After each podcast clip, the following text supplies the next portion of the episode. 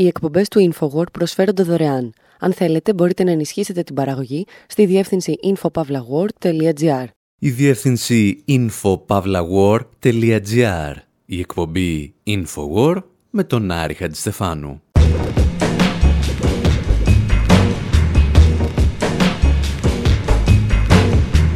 Όπου σήμερα συνειδητοποιούμε ότι στα χρόνια της κλιματικής αλλαγής το να είσαι παρουσιαστής ενός δελτίου καιρού είναι μια θέση με τρομακτική πολιτική ισχύ. Τραγουδάμε γι' αυτό για έναν μετεωρολόγο, τον οποίο κανείς δεν έπαιρνε στα σοβαρά στην εποχή του, μέχρι που αυτοκτόνησε βλέπουμε μια επαναστατική οργάνωση της αριστεράς να γίνεται δελτίο καιρού και παρακολουθούμε την προσπάθεια του Ρούμπερτ Μέρντοχ να μας αποκρύψει τι καιρό θα κάνει σε μερικά χρόνια. Και ύστερα καταθέτουμε πρόταση πλαίσιο για την κατάργηση των Ολυμπιακών Αγώνων, αφού πρώτα δούμε μερικές εναλλακτικές από τους αγώνες του 1936.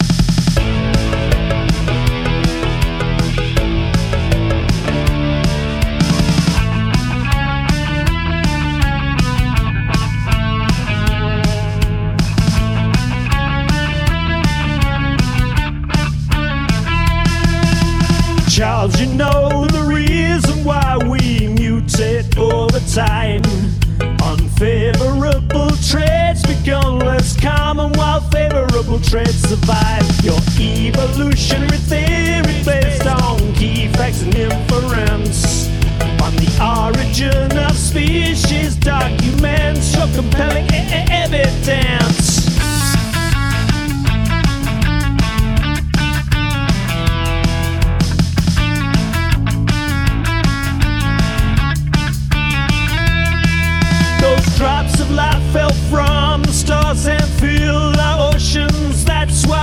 people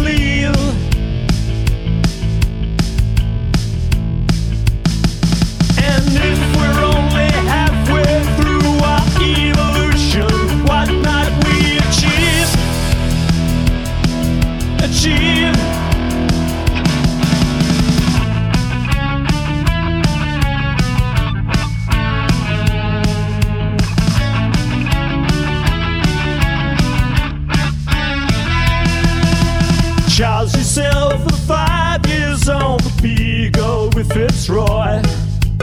Cape de Verde and Rio Buenos Aires, Santa Fe. Then Patagonia, Terra del Fuego, the Falklands and Chile. Το τραγουδάκι που ακούτε ονομάζεται Charles και ανήκει στο συγκρότημα System X. Όταν το ανακαλύψαμε στο YouTube είχε μόνο δύο views και τώρα έχει τρία. Το οποίο δεν είναι ιδιαίτερο απρόσμενο, δεδομένου ότι οι στίχοι απλώς περιλαμβάνουν αποσπάσματα από τις θεωρίες του Κάρολου Δαρβίνου για την εξέλιξη των ειδών και μερικές εξίσου βαρετές αναφορές για τα ταξίδια του στην Αμερικανική Ήπειρο. Το τραγούδι όμως έχει μία αναφορά που δεν βρήκαμε σε κανένα άλλο τραγούδι στην ιστορία της μουσικής. Εξηγεί ότι ο καπετάνιος του Δαρβίνου ήταν κάποιος Ρόμπερτ Φιτζρόι. Ο Φιτζρόι, όπως θα εξηγήσουμε στη συνέχεια, ήταν μια πολύ ενδιαφέρουσα προσωπικότητα, αλλά πάντα τον επισκίαζε κάποιος άλλος επιστήμονας. Προφανώς, όταν ήταν καπετάνιος του Δαρβίνου, τον επισκίασε ο Δαρβίνος. αλλά και στη σύντομη διαδρομή του ως μετεωρολόγος τον επισκίασε ο μεγάλος του δάσκαλος, ο Φράνσις Μποφόρ, ο άνθρωπος που μας έδωσε και τη γνωστή κλίμακα μέτρησης της έντασης των ανέμων. Ο Φιτζρόι όμως ήταν και αυτός ένας από τους πατέρες της σύγχρονης μετεωρολογίας, τον οποίο κανένας δεν ήθελε να πάρει στα σοβαρά στην εποχή του.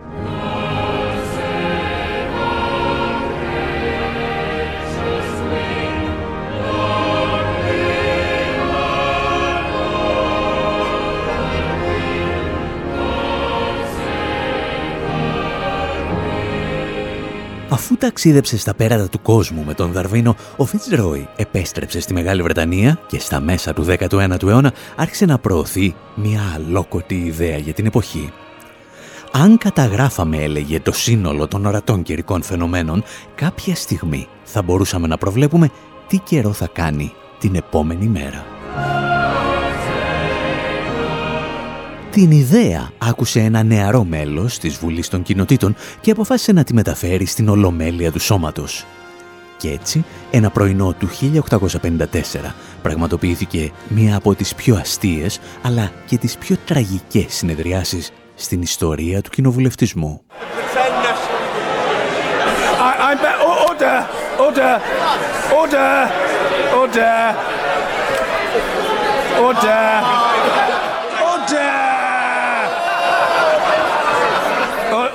Οι βουλευτές άρχισαν να γελάνε τόσο δυνατά με την ιδέα ότι κάποιος θα μπορούσε να προβλέπει τον καιρό της επόμενης ημέρας, ώστε ο πρόεδρος αναγκάστηκε να διακόψει τη συνεδρίαση.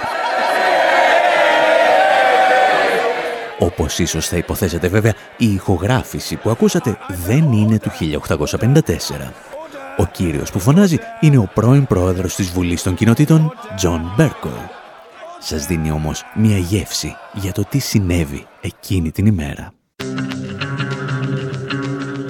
Όπως συμβαίνει όμως πάντα με όσους αμφισβητούν την επιστήμη και την πρόοδο, τα γέλια κόπηκαν απότομα σχεδόν μία πενταετία αργότερα, όταν μία καταιγίδα προκάλεσε ίσως το μεγαλύτερο ναυτικό δυστύχημα στην ιστορία της Μεγάλης Βρετανίας.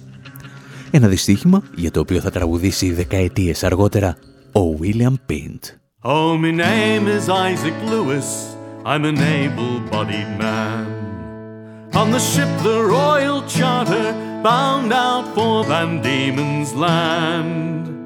All the seas that took six months to cross we could now do in two. So it's up that Mersey River, boys, out of Liverpool we flew.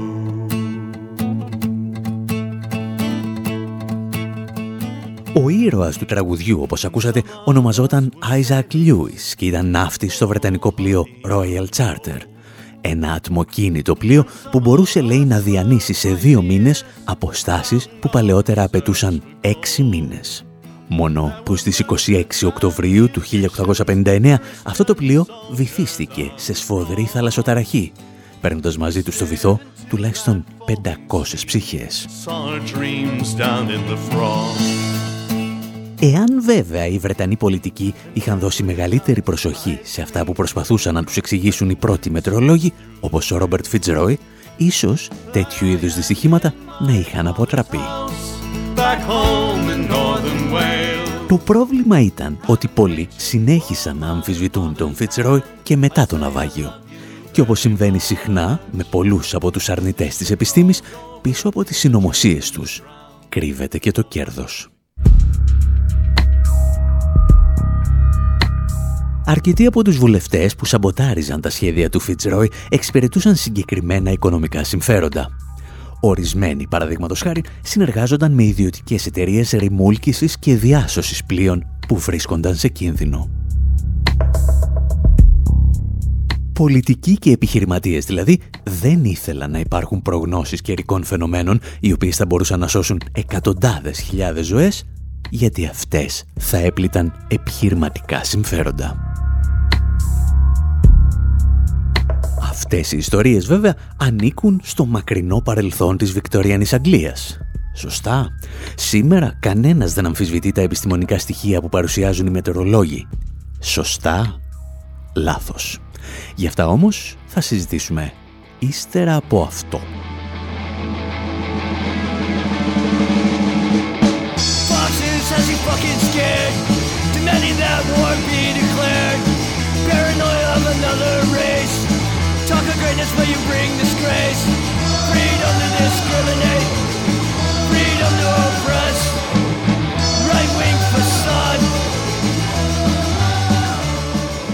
Το συγκρότημα Fucking A παίζει να έχει λιγότερα like και από το πρώτο συγκρότημα που ακούσαμε. Εδώ αφιερώνει το τραγούδι του Right-wing Facade στο ακροδεξιό τηλεοπτικό δίκτυο Fox News του Ρούμπερτ Μέρντοχ. Τραγουδούν για τις διαρκείς επιχειρήσεις εκφοβισμού της κοινή γνώμης που είναι κανόνα στη δημοσιογραφία του συγκεκριμένου καναλιού. Εμείς όμως σήμερα θέλουμε να μιλήσουμε για την περίπτωση που το Fox News προσπαθεί να καθησυχάσει τους τηλεθεατές του τη μοναδική ίσως που οφείλει να τους τρομοκρατήσει. Who's the absolute last person in the world who anyone should trust to run a weather, run a weather channel? I would be hard pressed to think someone worse than Rupert Murdoch, Ποιος είναι ο τελευταίος άνθρωπος στον πλανήτη, τον οποίο θα μπορούσαμε να πιστευτούμε να φτιάξει ένα σταθμό που θα μεταδίδει δύσεις αποκλειστικά για τον καιρό, δυσκολεύομαι να σκεφτώ κάποιον που θα ήταν χειρότερος από τον Ρούμπερτ Μέρντοχ, τον διοκτήτη του Fox News. Και όμως αυτό ακριβώς πρόκειται να συμβεί με το κανάλι Fox Weather Channel, το οποίο μέσα στη χρονιά θα αρχίσει να μεταδίδει δελτία καιρού 24 ώρες το 24ωρο. Χωρίς αμφιβολία, ο Μέρντοχ θα προσπαθήσει να κάνει και στο παγκόσμιο κλίμα ό,τι έκανε και στη δημοκρατία των ΗΠΑ. Θα το αρνηθεί, θα το υποσκάψει και θα το οδηγήσει στα πρόθυρα της καταστροφής undermine it, lead it to the brink of destruction. Ο κύριος που ακούσατε είναι σχολιαστή στο αμερικανικό δίκτυο MSNBC και την ανησυχία του φαίνεται να συμμερίζονται κορυφαίοι καθηγητές μετεωρολογίας, πολιτικοί και δημοσιογράφοι στις Ηνωμένες Πολιτείες. Στόχος του νέου καναλιού, λένε, θα είναι να αποσυνδέσει τα ακραία καιρικά φαινόμενα από την κλιματική αλλαγή, την οποία προκαλεί ο άνθρωπος στον πλανήτη. Γιατί αυτό ακριβώς κάνει ο Μέρντοχ εδώ και χρόνια, χρησιμοποιώντας μάλιστα το σύνολο της μηντιακής αυτοκρατορίας που ελέγχει. Climate crisis does not exist. Carbon dioxide is not pollution. Radical environmentalists who are demanding that we change every aspect of our lives and undercut our economy so that we can fight the weather. Και έχει σημασία, θα μας ρωτήσετε, τι λέει ένα αμερικανικό κανάλι. Δυστυχώς, έχει. Rupert Murdoch and his media conglomerate σε έρευνα που πραγματοποίησε η οργάνωση Public Citizen, διαπίστωσε ότι στο πρώτο εξάμεινο του 2019 το Fox News αναφέρθηκε 247 φορές στην κλιματική κρίση. Στο 86% αυτών των περιπτώσεων αρνήθηκε ότι υπάρχει πρόβλημα, απέρριψε ότι ο πλανήτης υπερθερμαίνεται και απάντησε με τρομολαγνικά σενάρια απέναντι σε κάθε πρόταση επίλυσης του προβλήματος.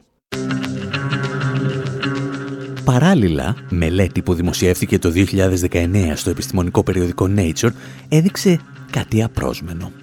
Οι Ρεπουμπλικάνοι, λέει, στις Ηνωμένες Πολιτείες συμφωνούσαν σε γενικές γραμμές με τις προτάσεις για το λεγόμενο πράσινο New Deal. Αλλά μέσα σε διάστημα μόλις έξι μηνών, όταν δηλαδή το κανάλι ξεκίνησε την επίθεσή του στα σχέδια για τη διάσωση του πλανήτη, η στήριξη μεταξύ των θεατών του Fox έπεσε στο μηδέν.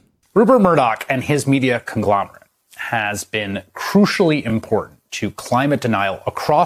Ο Ρούμπερτ Μέρντοχ και η αυτοκρατορία των μέσων μαζικής ενημέρωσης που ελέγχει έχουν παίξει καθοριστικό ρόλο στην αύξηση των αρνητών της κλιματικής αλλαγής σε όλο τον αγγλόφωνο κόσμο σε τρεις υπήρους. Όταν η Αυστραλία υπέστη τεράστια καταστροφή από πυρκαγιές που αποτέλεσαν 46 εκατομμύρια στρέμματα, ο πρώην πρωθυπουργός της χώρας αναφέρθηκε στο ρόλο που έπαιξε ο Μέρντοχ σε αυτή την καταστροφή.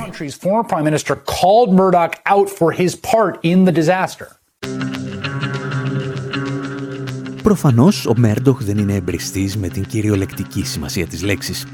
Είναι όμως ο βασικός υποστηρικτής όσων θέλουν να μας πείσουν ότι ο άνθρωπος δεν ευθύνεται για την αύξηση της θερμοκρασίας του πλανήτη και συνεπώς δεν υπάρχει τίποτα που μπορούμε να κάνουμε για να αντιμετωπίσουμε το πρόβλημα. Ουσιαστικά κάνει ό,τι ακριβώς έκαναν και οι Βρετανοί πολιτικοί του 19ου αιώνα γνωρίζει την αλήθεια, αλλά αρνείται να μεταφέρει την επιστημονική γνώση που θα μπορούσε να σώσει χιλιάδες ζωές. Γιατί αυτή η γνώση πλήττει συγκεκριμένα επιχειρηματικά συμφέροντα. Τότε ήταν οι εταιρείες διάσωσης πλοίων.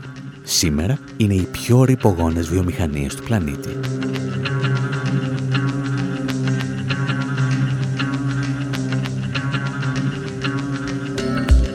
Το πώς θα παρουσιάσεις λοιπόν τις μετρήσεις των μετεωρολόγων στο ευρύ κοινό μπορεί να αλλάξει την αντίληψη εκατομμυρίων ανθρώπων για τα αίτια της κλιματικής αλλαγής. Και κάπου εκεί ξεκινά και ένα άλλο πρόβλημα. Η ιδιωτικοποίηση των δελτίων καιρού. Αρρωγή μας για αυτό το ζήτημα, το συγκρότημα Dead Sarah.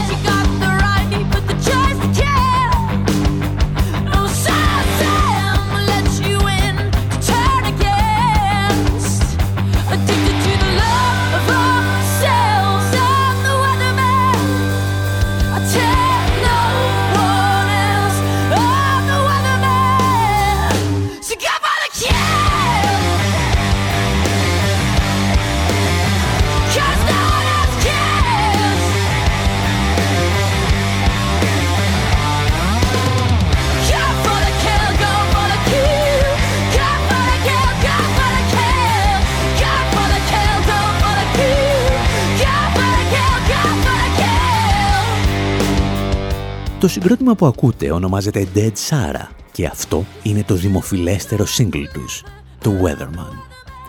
Στο ίδιο το συγκρότημα δεν αξίζει να δώσετε και μεγαλύτερη σημασία. Καταρχήν, γιατί όλα τα μέλη του ακολουθούν το κίνημα της Σαϊαντολογίας. Και κατά δεύτερον, γιατί το όνομά τους είναι ένα λάθος. Το επέλεξαν, λέει, ακούγοντας ένα τραγούδι των Fleetwood Mac που έλεγε Said Sarah. Και αυτοί άκουσαν Dead Sarah. Στο Weatherman πάντως που μας απασχολεί σήμερα τραγουδούν για έναν μετρολόγο. Στην πραγματικότητα όμως αναφέρονται στην επαναστατική οργάνωση Weather Underground, η οποία δημιουργήθηκε στο Πανεπιστήμιο του Μίτσιγκαν το 1969. Στηριζόμενα στις θεωρίες του Λένιν για τον υπεριαλισμό, τα μέλη των Weather Underground φιλοδοξούσαν να κινητοποιήσουν ευρεία στρώματα της λευκής νεολαίας και να την συνενώσουν με επαναστατικά κινήματα των μαύρων, όπως οι μαύροι πάνθυρες. Αυτά όμως ξεχάστηκαν. Και επειδή ο καλός καπιταλισμός όλα τα αλέθη, μερικές δεκαετίες αργότερα, ορισμένοι entrepreneurs από την Καλιφόρνια πήραν το όνομα της επαναστατικής οργάνωσης και το έδωσαν σε μια εταιρεία που παρουσιάζει μετεωρολογικά στοιχεία μέσω του ίντερνετ. Κάτι σαν να κατασκευάζεις τζάκια και να ονομάσεις την εταιρεία σου «Συνομωσία Πυρήνων της Φωτιάς». Η Weather Underground είναι μία από τις γνωστότερες εταιρείες που παίρνουν τα δεδομένα που παράγει η Εθνική Μετεωρολογική Υπηρεσία των Ηνωμένων Πολιτειών και τα πλασάρουν στο ευρύ κοινό με όμορφα γραφικά και ειδικές εφαρμογές για υπολογιστές, τάμπλετ και ούτω καθεξής. Οι φορολογούμενοι δηλαδή πληρώνουν για να μαθαίνουν τον καιρό, αλλά τα δεδομένα τα χρησιμοποιούν οι ιδιωτικές εταιρείες με ελάχιστο ή καθόλου κόστος. Αυτό όμως λέγεται καπιταλισμός και δεν έχουμε να πούμε περισσότερα.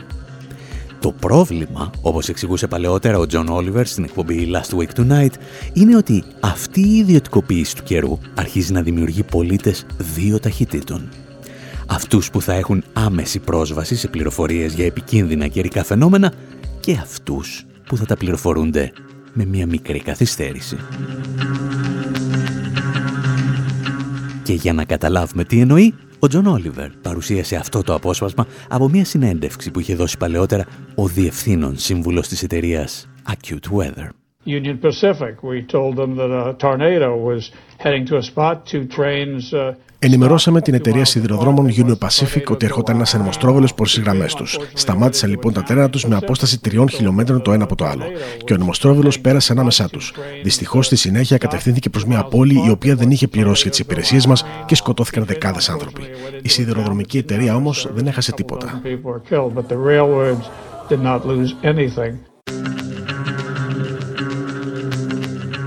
Σε μια εποχή λοιπόν όπου η κλιματική αλλαγή προκαλεί ακραία καιρικά φαινόμενα, προκύπτουν δύο νέα ζητήματα. Καταρχήν, οι πολίτες θα διαχωρίζονται ανάλογα με την πρόσβαση που έχουν σε κρίσιμες πληροφορίες για την εξέλιξη αυτών των φαινομένων. Παράλληλα όμως, εκατομμύρια τηλεθεατές και αναγνώστες θα λαμβάνουν ψευδή πληροφόρηση σχετικά με τα πραγματικά αίτια αυτών των φαινομένων από τους αρνητές της κλιματικής αλλαγής. Και μια δική μας σημείωση. Η σύγχρονη μετεωρολογία αναπτύχθηκε σχεδόν μαζί με τα πρώτα εμβόλια, αλλά και με τις θεωρίες του Δαρβίνου για την εξέλιξη των ειδών. Και έχουμε μία ελαφρά υποψία ότι ο τελευταίος μη διαχαιρέκακα από τον τάφο του, βλέποντας τη δική του θεωρία για την επικράτηση του ισχυρότερου να επιβεβαιώνεται. Τη στιγμή δηλαδή που η μετεωρολογία και η επιδημιολογία παλεύουν καθημερινά με τους αρνητές. Εσείς πάλι είτε σας αρέσουν όλα αυτά είτε δεν σας αρέσουν, μένετε εδώ, γιατί στο δεύτερο μέρος της εκπομπής αλλάζουμε εντελώς θέμα. It's only four degrees, it's only four degrees. It's only four degrees, it's only four degrees. Degrees, it's only four degrees. It's only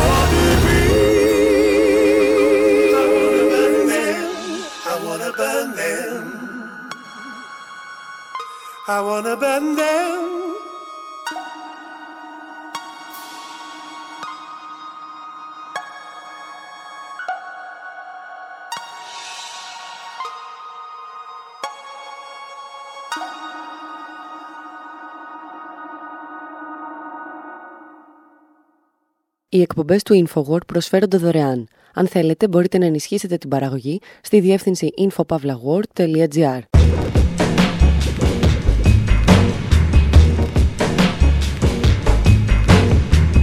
Η εκπομπή InfoWar με τον Άρη Χατζηστεφάνου.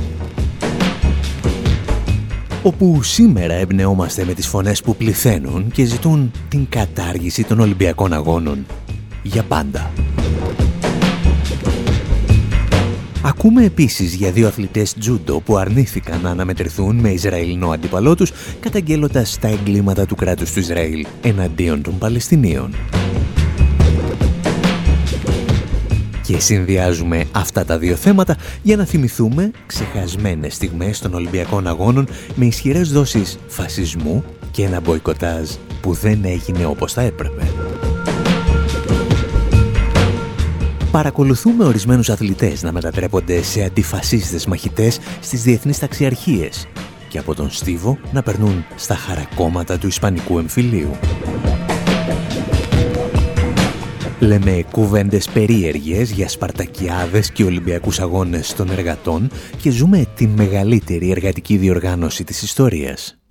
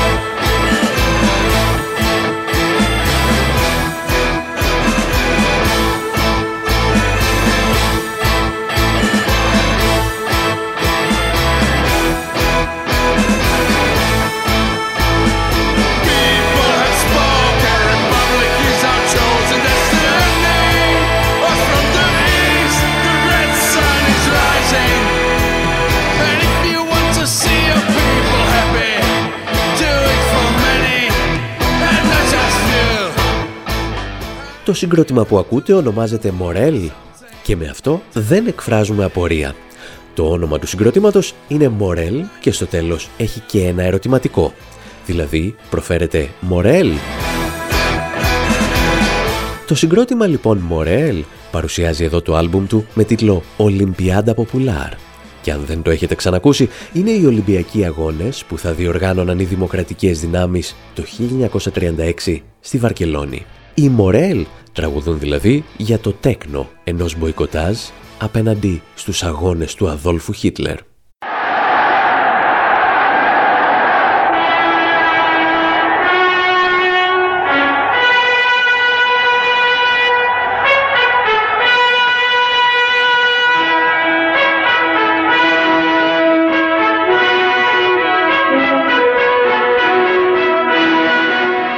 Η φρικτή μουσική που ακούτε μας έρχεται από ένα εξαιρετικό ντοκιμαντέρ που γυρίστηκε για ένα φρικτό σκοπό. Είναι η περίφημη κάλυψη των Ολυμπιακών Αγώνων του 1936 στο Βερολίνο, γυρισμένη και σκηνοθετημένη από τη Λένι Ρίφενσταλ.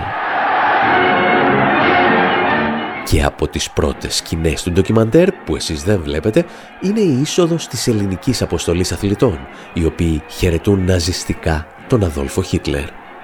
Στην κορυφή της πομπής, της πομπής μας, βρίσκεται ο Σπύρος Λούις, ο οποίος αργότερα θα σφίξει το χέρι του Χίτλερ. Θα χρειαστεί ένας παγκόσμιος πόλεμος και ένα ολοκαύτωμα, ώστε η ανθρωπότητα να καταλάβει ότι δεν πρέπει ποτέ να σφίγγει στο χέρι ενός φασίστα. Εκείνες τις ημέρες όμως επικρατούσε μια διαφορετική λογική. Οι Ολυμπιακοί αγώνες, έλεγαν κάποιοι, δεν είναι για να διχάζουν τους λαούς, αλλά για να τους ενώνουν. Και ο αθλητισμός, έλεγαν οι ίδιοι, δεν πρέπει ποτέ να πολιτικοποιείται. Ο Χίτλερ γνώριζε φυσικά τι έλεγαν και φρόντισε να μετατρέψει τους Ολυμπιακούς Αγώνες σε ένα πανίσχυρο όπλο προπαγάνδας για την προώθηση του ναζισμού. Και όπως μαθαίναμε στα ντοκιμαντέρ που θα γυρίζονταν μερικές δεκαετίες αργότερα, όλα ξεκίνησαν με την τελετή έναρξης.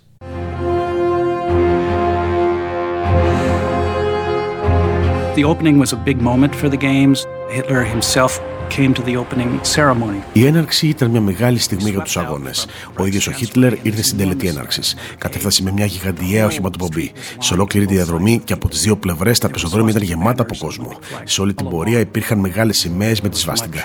Ο κόσμος φώναζε, ούρλιαζε και πετούσε λουλούδια. Οι άνθρωποι χαιρετούσαν ναζιστικά. Πραγματικό παραλήρημα. Flowers and Sieg Heiling was delirium.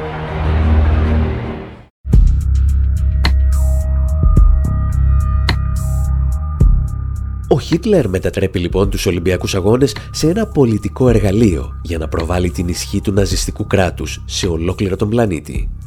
Και μαζί με την ισχύ προβάλλει και τα ναζιστικά ιδεώδη και κυρίως το μίσος του για τους Εβραίους.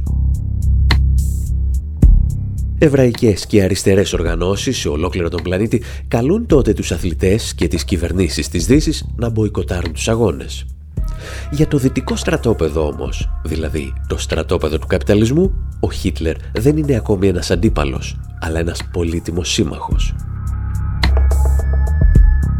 Ήταν η εποχή που οι Ηνωμένες Πολιτείες δήλωναν αμέτωχες στις γεωπολιτικές εξελίξεις της Ευρώπης. Η εποχή όπου μια σειρά αμερικανικών εταιριών όπως η IBM και η General Motors προσέφεραν τα προϊόντα τους στα ναζιστικά στρατεύματα. Το κόμμα του Χίτλερ μάλιστα είχε χρηματοδοτηθεί από αμερικανικές τράπεζες στις οποίες συναντούσε κανείς και τον παππού του George Bush. Παρόμοια όμως ήταν η κατάσταση και στην Ευρώπη. Ακόμη και δύο χρόνια μετά τους Ολυμπιακούς του 1936, οι ισχυρότερες χώρες όπως η Βρετανία έβλεπαν στο πρόσωπο του Χίτλερ έναν σύμμαχο.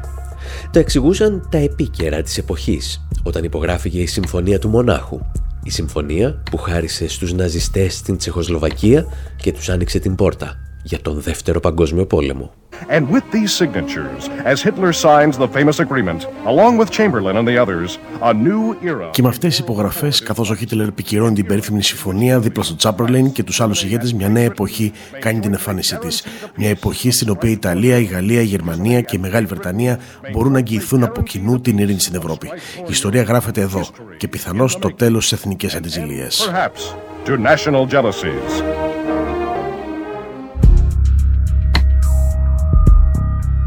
Αυτό ακριβώς ήταν και το πνεύμα που επικρατούσε στους Ολυμπιακούς Αγώνες στο Βερολίνο του 1936.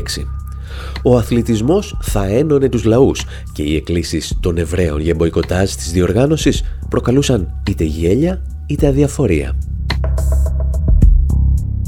Εκείνη την εποχή, ο βασικός υποστηρικτής της θεωρίας ότι δεν πρέπει να πολιτικοποιούμε τον αθλητισμό άκουγε στο όνομα Avery Brundage. Ήταν ο επικεφαλής της Εθνικής Επιτροπής Ολυμπιακών Αγώνων των Ηνωμένων Πολιτειών και αργότερα πρόεδρος της Διεθνούς Ολυμπιακής Επιτροπής. Ήταν ένας γνήσιος φασίστας, ο οποίος υποστήριζε ότι το μποϊκοτάζ των αγώνων του 36 αποτελούσε μια συνωμοσία των Εβραίων και των κομμουνιστών εναντίον της Γερμανίας. Μια χώρα η οποία κατά την άποψή του σεβόταν απόλυτα τα δικαιώματα των Εβραίων.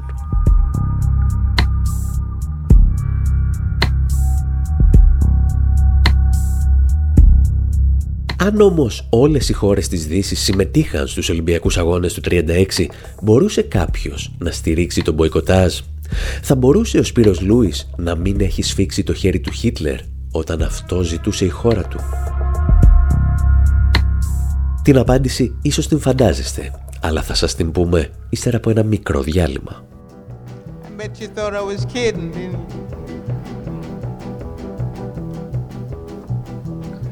Picket lines, school boycotts.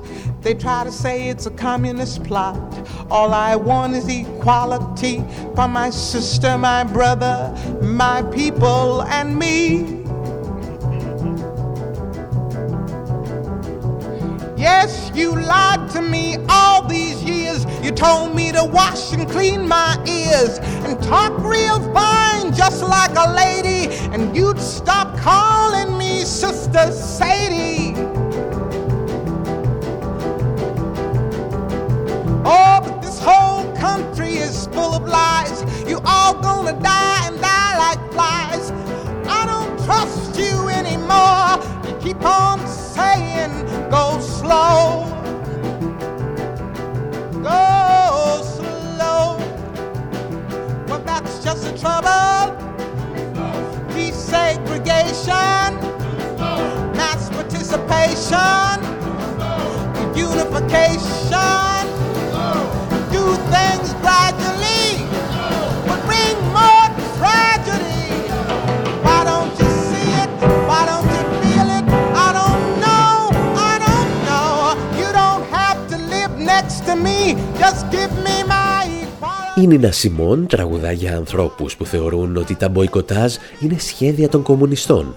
Αυτό που έλεγε δηλαδή και ο μετέπειτα πρόεδρος της Ολυμπιακής Επιτροπής για όσους ήθελαν να μποϊκοτάρουν τους αγώνες του Χίτλερ στο Βερολίνο του 36. That's it! Στο ερώτημα τώρα, εάν ο Σπύρος Λούις θα μπορούσε να μην είχε σφίξει το χέρι του Αδόλφου Χίτλερ, την απάντηση είχαν δώσει τότε δύο γυναίκες αθλήτριες από την Τουρκία.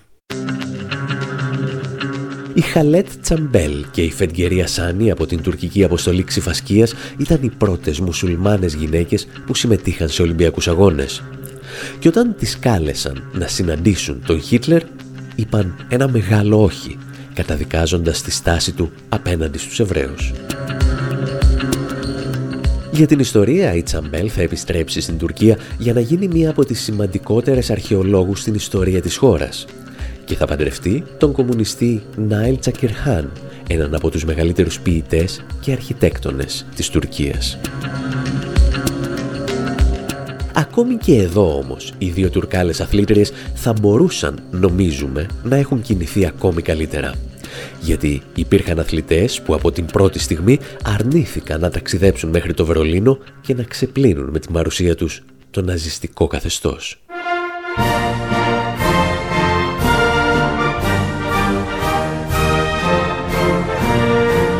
Ανάμεσά τους, ο αθλητής ξιφασκίας Άλμπερτ Χούλφ. Αποχώρησε με μεγάλο προσωπικό κόστος από την εθνική ομάδα της Γαλλίας, την οποία εκπροσωπούσε το 36 στο Βερολίνο. Δεν μπορώ να συμμετάσχω σε κάτι που χορηγείται από τον Αδόλφο Χίτλερ, ακόμη και αν πρέπει να το κάνω για τη Γαλλία, είχε δηλώσει τότε ο Γούλφ. Στα χρόνια που ακολούθησαν, πολέμησε τους Ναζί από τις τάξεις του γαλλικού στρατού. Συνελήφθη και οδηγήθηκε σε στρατόπεδο εξόντωσης για Εβραίους, από που όμως κατάφερε να δραπετεύσει. Και ύστερα, αντί να κάτσει στο σπιτάκι του, κατετάγει στον Αμερικανικό στρατό για να συνεχίσει να μάχεται το φασισμό. Γιατί αν αρχίζεις μια δουλειά, πρέπει να την τελειώνεις. Ειδικά αν η δουλειά σου είναι να τσακίσεις τον φασισμό και τους φασίστες. Και για όσους σας λένε ότι οι αθλητές του 1936 δεν είχαν πολλές επιλογές αν δεν συμμετείχαν στη διοργάνωση του Χίτλερ, εμείς έχουμε μια τελευταία ιστορία να σας διηγηθούμε.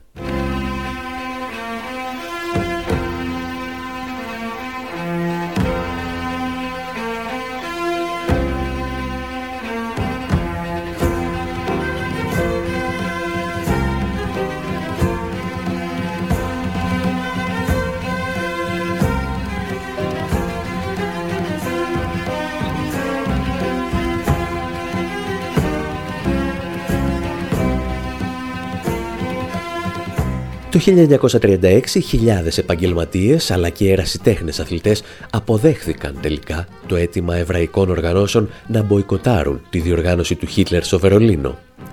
Και αντί για τη Γερμανία, ορισμένοι ταξίδεψαν μέχρι τη Βαρκελόνη.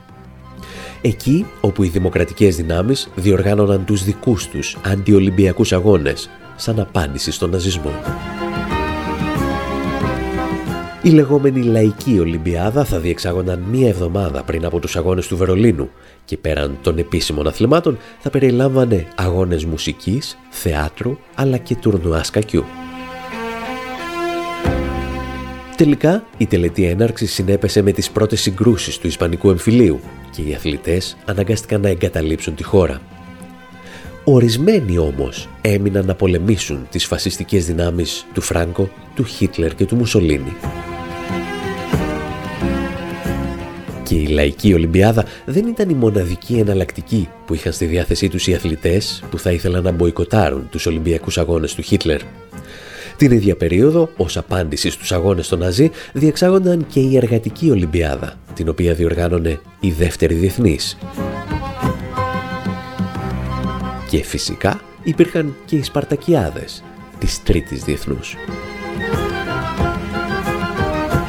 Γιατί αν θέλεις πραγματικά να μην μετατραπείς σε πλυντήριο εγκλημάτων πολέμου και εγκλημάτων κατά της ανθρωπότητας, υπάρχει πάντα μία λύση. Σίγουρα έχει προσωπικό κόστος και συχνά χάνεις τη φήμη και τα χρήματα που μπορούν να σου προσφέρουν οι εγκληματίες πολέμου. Μένεις με τον έπαινο του Δήμου και των σοφιστών, τα δύσκολα και τα ανεκτήμητα έβγε, την αγορά, το θέατρο και τους στεφάνους. Αν πάλι δεν σου αρκούν τα δύσκολα και τα ανεκτήμητα έβγε, έχεις σκεφτεί ότι ίσως δεν θα έπρεπε να έχεις γίνει ποτέ αθλητής ή καλλιτέχνης και θα ήταν καλύτερο να δηλώνεις έμπορος.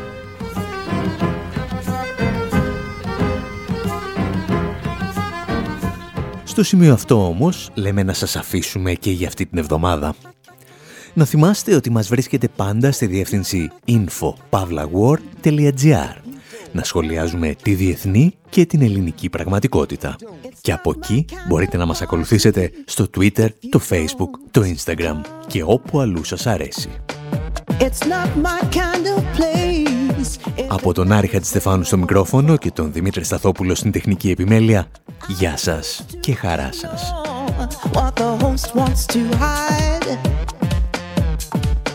This is not for me. I don't sing for part time.